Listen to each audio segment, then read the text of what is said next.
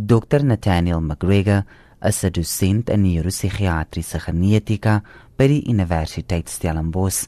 Hy sê 30 van hierdie 44 genetiese variante is nuut. What they found was that there are 44 regions of our genetic material that seem to be um, more likely linked uh, a depression or clinical criterion than anywhere else, which is some of relatively new. So it's pretty much new areas to focus on moving forward with research. McGregor verduidelik hoe die genetiese variante lyk. So your DNA, we look at it in terms of, of larger regions. When you pass your genetic material from one person to another, you don't necessarily pass an entire gene, you'd pass a series of them. So uh, a, a larger region that can contain more than one. So there are 44 blocks and there are specific sort of alternative forms of, we call them nucleotides, in these blocks. And there are 44 of them, but it does comprise more than just 44 genes. Data van 135.000 mense met depressie is vergelyk met meer as 344.000 mense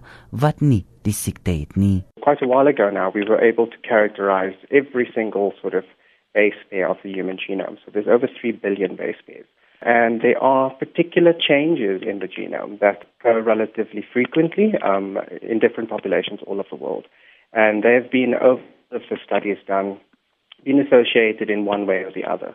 So they've taken all of these individual points and put them on what we call an array. So what happens is, is that you will take someone's genetic material, you will run it across this array, and it will give you an indication of how many of those changes are present in that person. Um, and then they compare people with depression to people without depression, and that's how you identify the significant difference between the two groups. McGregor sê daar is ook 'n direkte verband met die manier hoe antidepressante funksioneer.